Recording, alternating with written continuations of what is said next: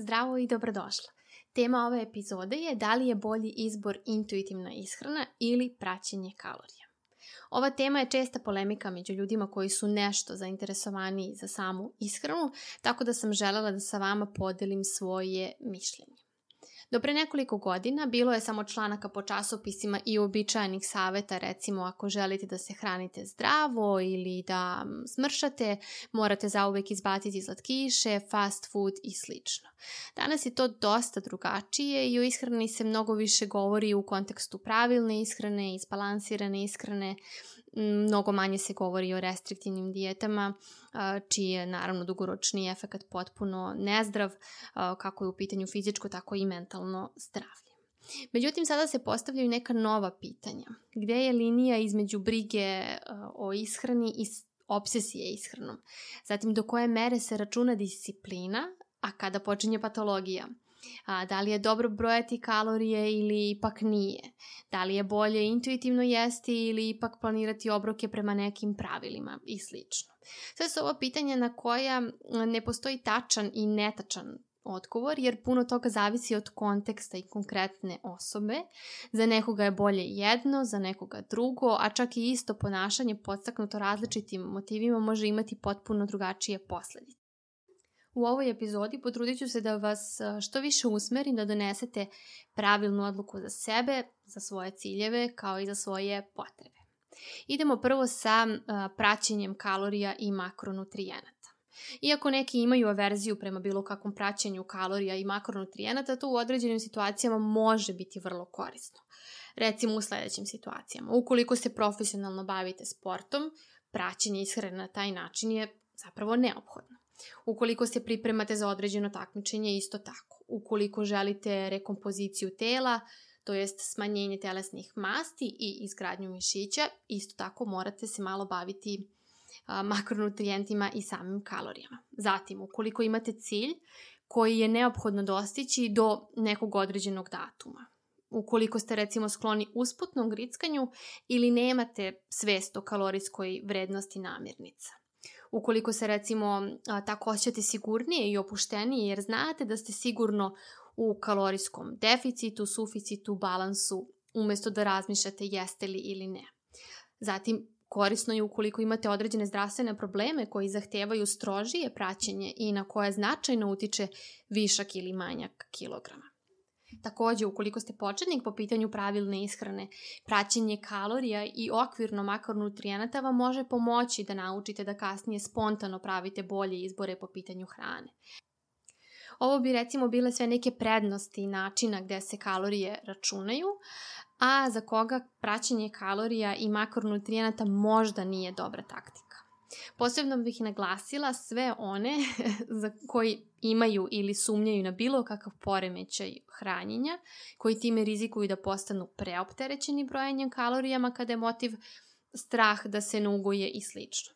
Isto tako, za prosečnog rekreativca nije tako opasno, ali nije ni neophodno tako strogo pratiti bilo šta, pa ni sam kalorijski unos.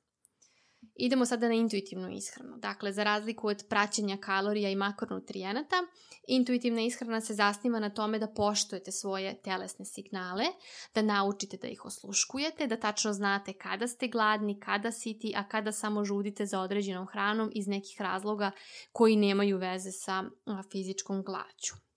Tako da u tim situacijama recimo intuitivna ishrana je dobar izbor ako je recimo vaš cilj održavanje telesne mase ukoliko ste recimo već postigli svoje neke fitness ciljeve i to želite da zadržite.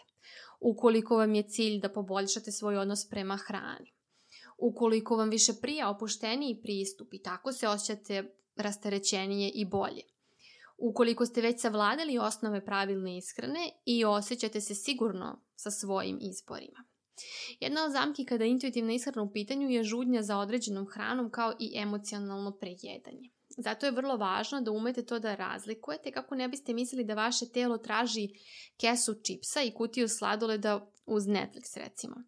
Zato je jako važno, a što i sama intuitivna ishrana promo, promoviše, dakle važno je poznavanje nauke o ishrani, kako biste upravo i mogli a, bolje da odgovorite na te signale.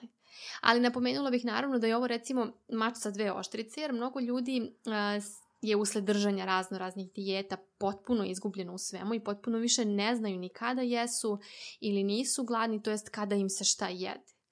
A, u mom coaching programu Bez greže savesti bavimo se upravo ovime, gde korak po korak učite i razvijate um, veštinu da prepoznate i budete sigurniji u te unutrašnje signale i naravno kako da ne iste uh, i odreagujete. E sada, koji se meni pristup najviše dopada?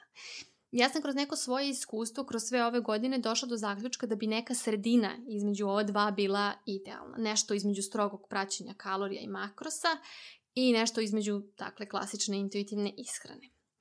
Kako svaka krajnost ima svoju sredinu, ništa drugačije naravno nije ni po pitanju ishrane. Dakle, nije neophodno da nužno budemo ni u jednoj grupi.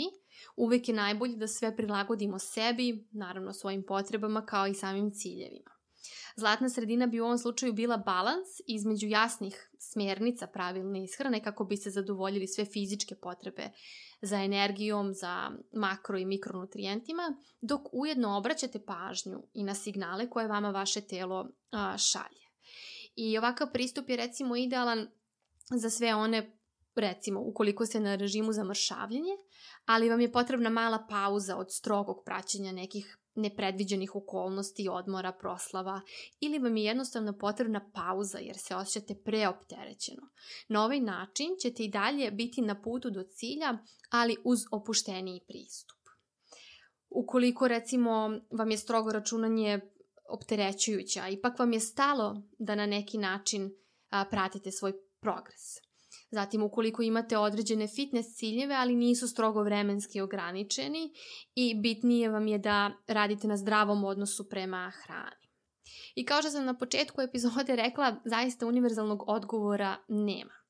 Ja se nadam da su vam ove smernice od pomoći da procenite šta je najbolje za vas A, ukoliko ni to nije dovoljno, svakako možete na određeni period pokušati sa nekim od navedenih načina i jasno onda videti šta vama lično tu prija a, ili ne prija i onda u skladu sa time a, nadalje planirati i organizovati svoju ishranu. Ako me prvi put upoznajete ovde putem podcasta, želim da vas pozovem da pogledate i moj sadržaj na drugim platformama. Možete kucati u pretraživaču kao Nada Fogt i izaći će vam moji profili. Isto tako pozivam vas da mi slobodno pišete na nada.nadafogt.com svoje ideje i predloge za teme koje vas interesuju i o kojima biste voljeli da govorim.